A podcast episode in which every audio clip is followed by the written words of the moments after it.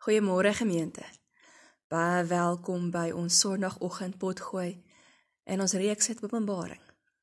Kom ons raak stil en dan nader ons tot die Here. Dankie Vader dat ons vandag kan kom met die wete dat U God is. In 'n wêreld wat vir ons dikwels te mekaar voel, Here, is dit vir ons 'n troos en bemoedigend, Here, en, en maak dit ons rustig om te weet dat U vir ons sorg dat U ons gebede hoor, dat U ons raak sien. Sê vir dankie Here vir die voorreg wat ons het om vandag ook as 'n gemeente saam te kom luister na U woord. Heilige Gees, kom raak ons aan dat ons sal hoor wat dit is wat U vir ons wil sê. Kom raak ons as gemeente aan in hierdie tyd, Here. Dat ons in in lyn sal kom weer, Here, met wat dit is wat U ook van ons vra. En dat ons waarlik in hierdie Pinkstertyd ook U stem sal hoor. Dankie Here dat U God is. Ons weet Here in die Bybel sê dit sê lees ons dat alles deur U bestaan en vir U bestaan. Mag dit ook so wees in ons lewens, Here. Die Here kom groet julle elkeen vanmôre. Genade, barmhartigheid en vrede van God ons almagtige Vader en van Jesus Christus die oorwinnaar, die lam en leeu en van die Heilige Gees wat in ons woon en God se woord vir ons wil vir ons elke dag oopbreek. Amen. Hierdie Pinkster kom reis ons saam met die sewe gemeentes in Openbaring wat moes leer hoe om kerk te wees in baie uitdagende tye. Die gemeente se Openbaring het ongelooflike vervolging beleef. En die boek is geskryf as 'n brief aan hulle sodat hulle kan hoop kry in hierdie tyd. Die simbole wat gebruik word was om ons taal te beskryf iets soos 'n geheime taal wat vir hulle bekend sou gewees het omdat hulle die Ou Testament ook gehad en geken het. Maar wanneer iemand anders die boek die briewe beet gekry het, sou hulle nie dadelik verstaan het wat vir hierdie gemeentes beskryf word nie en hoe dit vir hulle hoop gee nie. Nou die brief van die sewe gemeentes word opgevolg met die gedeelte wat ons vandag gaan lees Openbaring 4 en 5. Van die toneel van God die Vader op die troon en Jesus as die leeu en die lam. Die boek van Openbaring en veral hierdie twee hoofstukke waarmee ons nou vandag begin is vol simboliek. En alhoewel die simboliek ons kan help net soos dit die gelowiges in daardie tyd gehelp het om die by, die boodskap te verstaan, moet ons ook versigtig wees om nie te veel te wil inlees in die simboliek en dalk sou ook die kernboodskap te verloor want dieselfde simboliek in die beelde wat ons hier in Openbaring kry, wys telke keer telke male terug na die res van die Bybel. Nou hoofstukke 4 en 5 wat ons vandag gaan lees, is noodsaaklik om die boek van Openbaring te verstaan, want alles wat hierna gebeur, na hoofstuk 5 gebeur, word gebou op hierdie beelde. En die beelde word ook gebruik om die gemeentes waarvan ons van vanaand af gaan lees te motiveer om moed te hou in moeilike tye. Dit help hulle om te onthou dat God steeds daar is ten spyte van hulle uitdagings. So voordat ons vanaand begin met die eerste gemeente aan die van die gemeente van Efese, kom ons lees wat leer Openbaring ons oor God en hoe hy is in hierdie tye waarin ons leef. Ek ons lees van hoofstuk ons lees vandag daarom dan nou hoofstuk 4, ons lees van vers 1 tot vers 5 vers 8 tot vers 11 en dan hoofstuk 5 vers 1 tot vers 10. Hoofstuk 4 vers 1. Hierna het ek Johannes in die hemel 'n deur gesien wat oopgemaak is. En die stem soos die geluid van die trompet wat ek die eerste keer met my hoor praat het, het gesê: Kom op hierheen en ek sal jou wys wat hierna moet gebeur. Onmiddellik is ek deur die Gees meegevoer Ek het gesien daar staan 'n troon in die hemel en op die troon sit daar iemand. Sy voorkoms was soos opaal en karneool. Op die troon was daar 'n reënboog. Om die troon was daar 'n reënboog met die glans van smarag. Reg rondom die troon was daar 24 ander trone. En op die trone het daar 24 ouderlinge gesit. Hulle het wit klere aangetree en op hulle koppe was daar goue krones. Daar het weerligstrale, dreenings en donderslae van die troon af gekom. En vlak voor die troon het sewe vakkels helder gebrand. Dit was die sewe geeste van God. Vers 8. Elkeen van die vier lewende wesens het ses vlerke gehad wat aan die bokant en die onderkant vol oë was. Hulle het dag en nag sonder om te rus gesê: Heilig, heilig, heilig is die Here, die Here God, die Almagtige. Hy wat was en wat is en wat kom. En elke keer wanneer die lewende wesens heerlikheid, eer en dank toebring aan hom wat op die troon sit, wat tot in alle ewigheid lewe, kniel die 24 ouderlinge voor hom wat op die troon sit en aanbid hom wat tot in alle ewigheid lewe. Hulle sit dan hulle krones op voor die troon neer en sê: Here ons God, U is waardig om die heerlikheid en die eer en die mag te ontvang, omdat U alles geskep het en U deur U wil het alles ontstaan en is dit geskep. Ons lees ook hoofstuk 5. In die regterhand van hom wat op die troon sit, het ek 'n boekrol gesien wat aan die voor en die agterkant vol geskrywe was en wat met sewe seels goed verseël was. Toe het ek 'n sterk engel gesien wat met 'n harde stem uitroep: "Wie is waardig om die boek oop te maak, deur die seels daarvan te breek?" Maar niemand in die hemel of op die aarde of onder die aarde was in staat om die boek oop te maak en daarin te kyk nie. Ek het baie gehuil omdat daar niemand gekry is wat waardig was om die boek oop te maak en daarin te kyk nie. Toe sê een van die ouderlinge vir my: Moenie huil nie. Kyk. Die leeu uit die stam van Juda, die afstammeling van Dawid, het die oorwinning behaal en kan die boek met die sewe seels oopmaak. Toe het ek voor toe het ek voor die troon wat omring was deur die vier lewende wesens, tussen die troon en die ouderlinge, 'n lam sien staan. Die een wat geslag was. Hy het sewe horings en sewe oë gehad. Die sewe oë was die gees, sewe geeste van God wat oor die hele aarde uitgestuur is. Hy het toe gegaan en die boek ontvang uit die regterhand van hom wat op die troon sit. Net toe die lam die boek neem, het die vier lewende wesens en die 24 ouderlinge voor hom gekniel. Elkeen van hulle het 'n siter gehad en 'n goue bak vol wierook, die gebede van die gelowiges. Toe sing hulle 'n nuwe lied. U is waardig om die boek te neem en die seels daarvan oop te maak, omdat u geslag is en met u bloed mense vir God losgekoop het, uit elke stam en taal en volk en nasie. U het hulle 'n koninkryk en priesters vir ons God gemaak en hulle sal oor die aarde regeer. Toe het ek rondom die troon en die lewende wesens en die ouderlinge 'n magtige menige engel gesien. Daar was duisende der duisende, ja miljoene der miljoene Ek het hard hoor uitroep: Die lam wat geslag is, is waardig om die mag en die rykdom, die wysheid en die sterkte, die eer en die heerlikheid en die lof te ontvang. Ons het twee visioene vandag gelees. Een hoofstuk 4 en een hoofstuk 5. Nou kom ons gesels 'n bietjie oor die visioene vandag. Die eerste uitbeelding wat ons sien, wat Johannes gesien het, is die beeld van God die Vader op die troon met 'n verskeidenheid hemelse wesens om sy troon.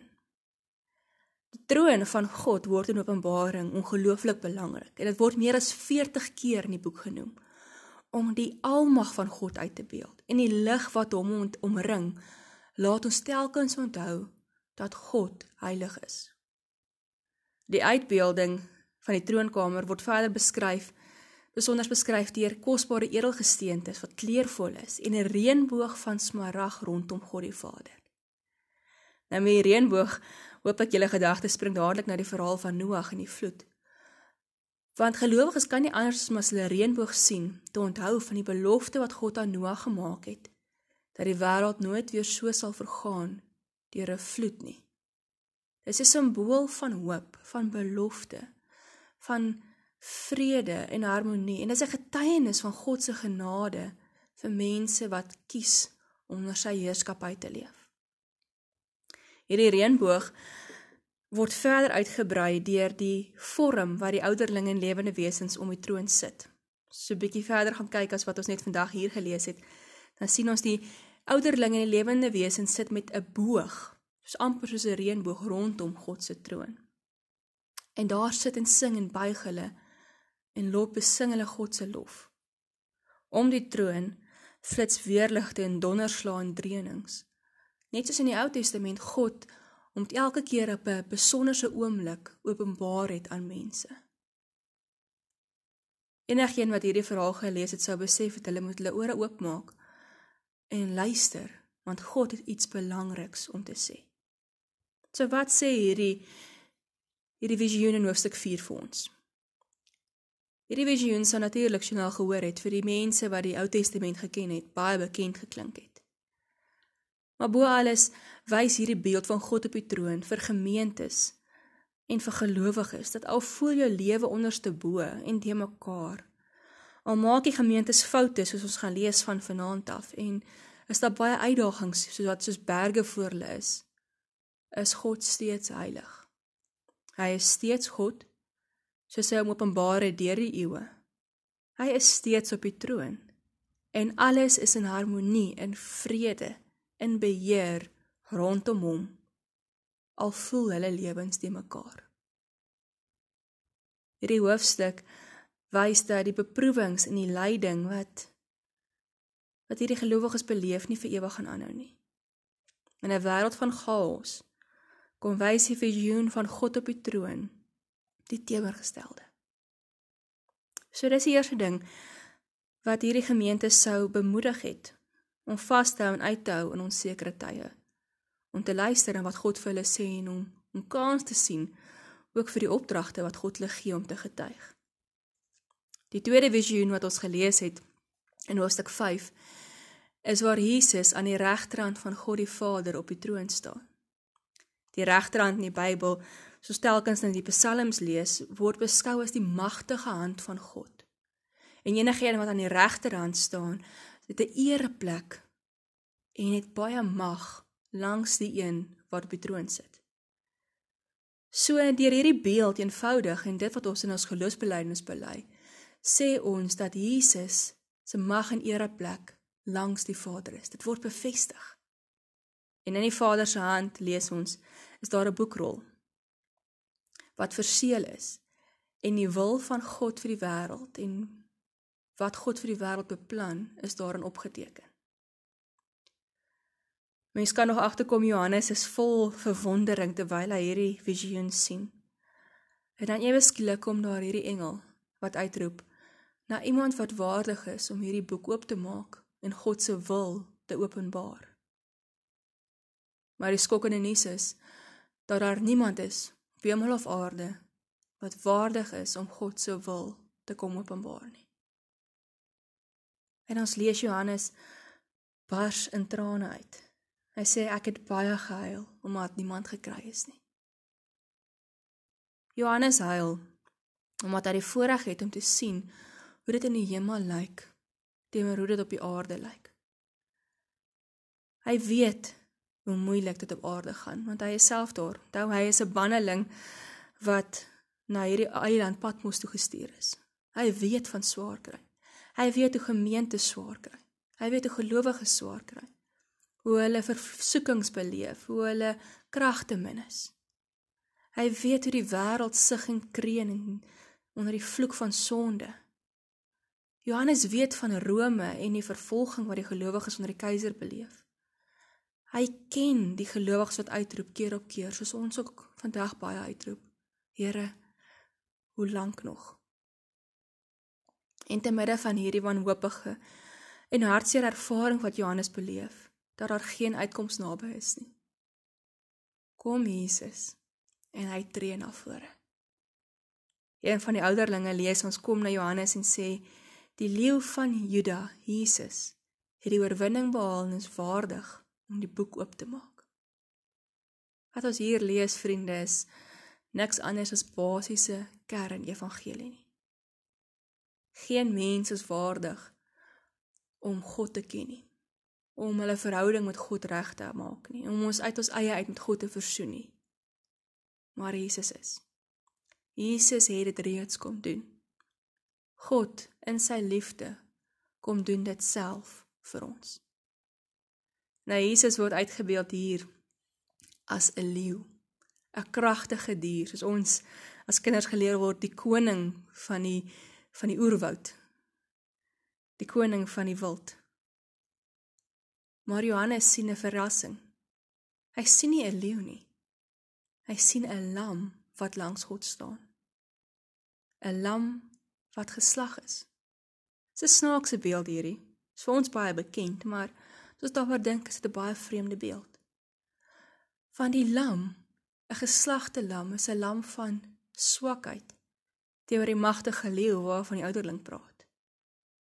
Maar hierdie lam wat geslag is, staan ook gereed, gereed om op te tree, gereed vir aksie.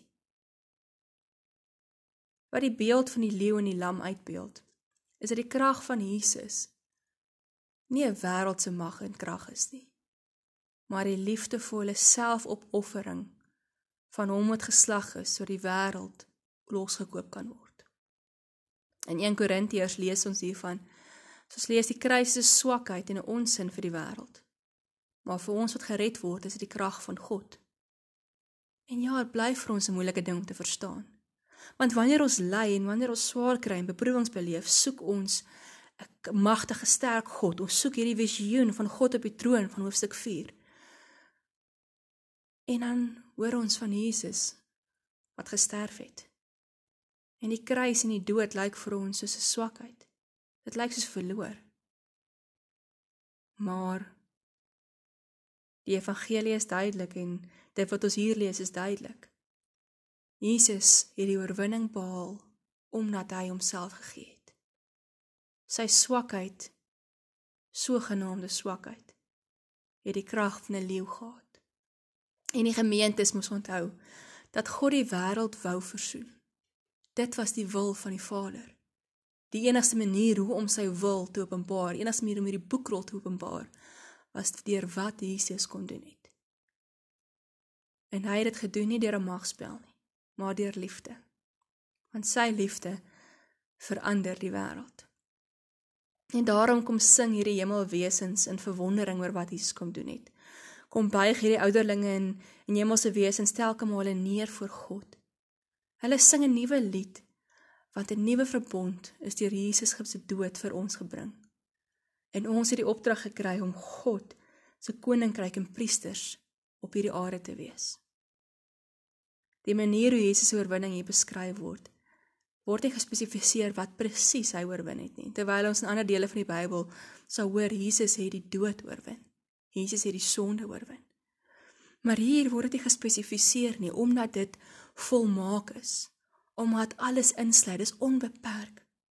So alles wat ons verder in die Bybel lees van hoe Jesus oorwin het, word vasgehamgevat in hierdie hoofstuk. Hy het die dood oorwin, die sonde, gevangenskap van mense, siekte, dood, nood, hartseer, die wêreld. Hier sit mense met mekaar en met God kom versoen. Alle boosheid wat ons vandag beleef, alle seer, alle lyding, het Jesus kom oorwin. So hierdie tweede visioen as die gemeentes dit sou hoor na hy die opdrag gegee het. Herinner die gemeentes om te getuig, om te leef in God se wil. Lyk dikwels anders as wat dit in hierdie wêreld lyk.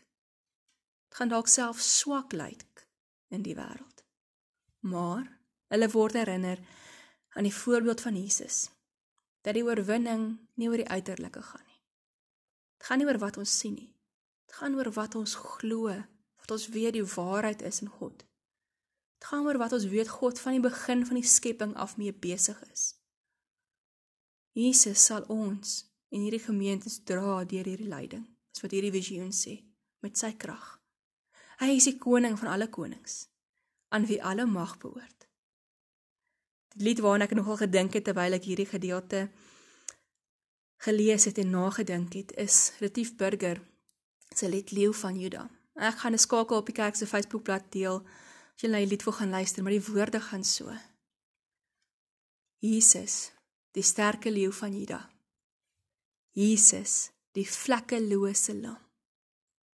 Jesus, oorwinnaar oor die dood. Jesus, U is oneindig groot. U's vir ewig.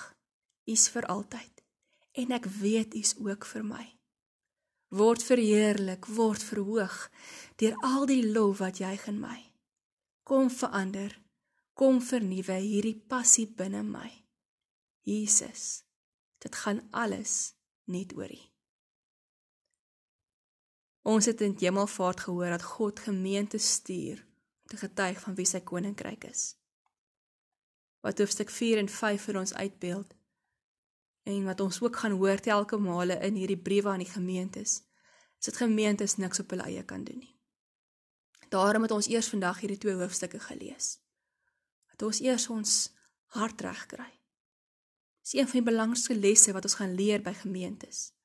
Gemeentes kan net getuig en God se koninkryk op aarde wees wanneer God sentraal is in hul lewens. Sonder God in die kern gaan ons nie herlewing kry nie. Sonder God kan ons maak al ons planne en ons drome niks saak nie. 'n Gemeente se lewenskragtigheid, ons energie, ons passie, ons getuienis is onlosmaaklik deel van of ons God op die troon het en die lam wat langs hom staan. Of ons oog op God is. As ons fokus nie op God is nie, maak ons 'n fout.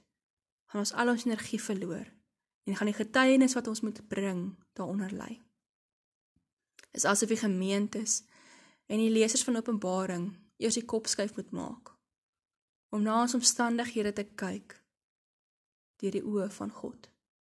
Teen die agtergrond van hoe God drie enig om Openbaring en Openbaring.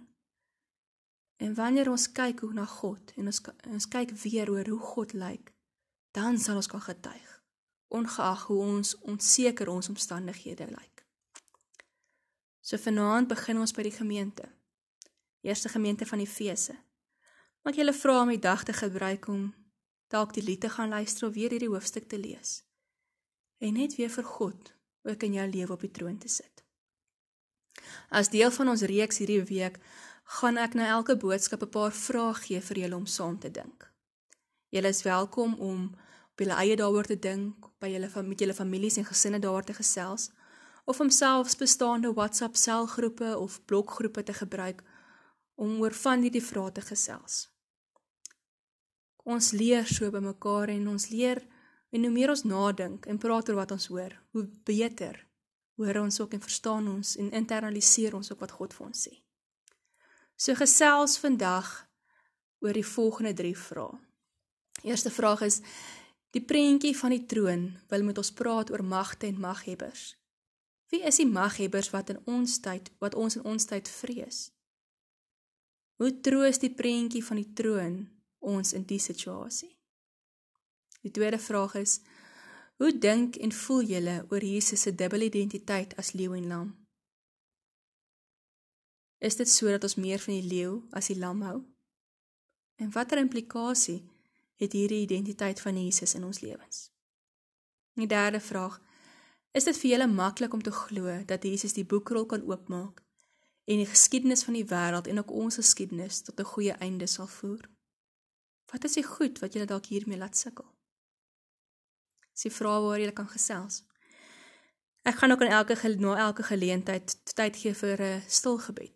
Julle is natuurlik welkom om eers die boodskap te stop en klaar te bid op julle eie tyd en daarna die res van die diens te luister. So kom ons gee geleentheid vir stil gebed. Vra die Here om jou te help om te vertrou vertrou dat hy op die alles sal goed eindig, dat hy op beheer is. En kom ons dank hom vir wat hy vir ons kom doen in die verlossing van sy kruis en sy groot genade.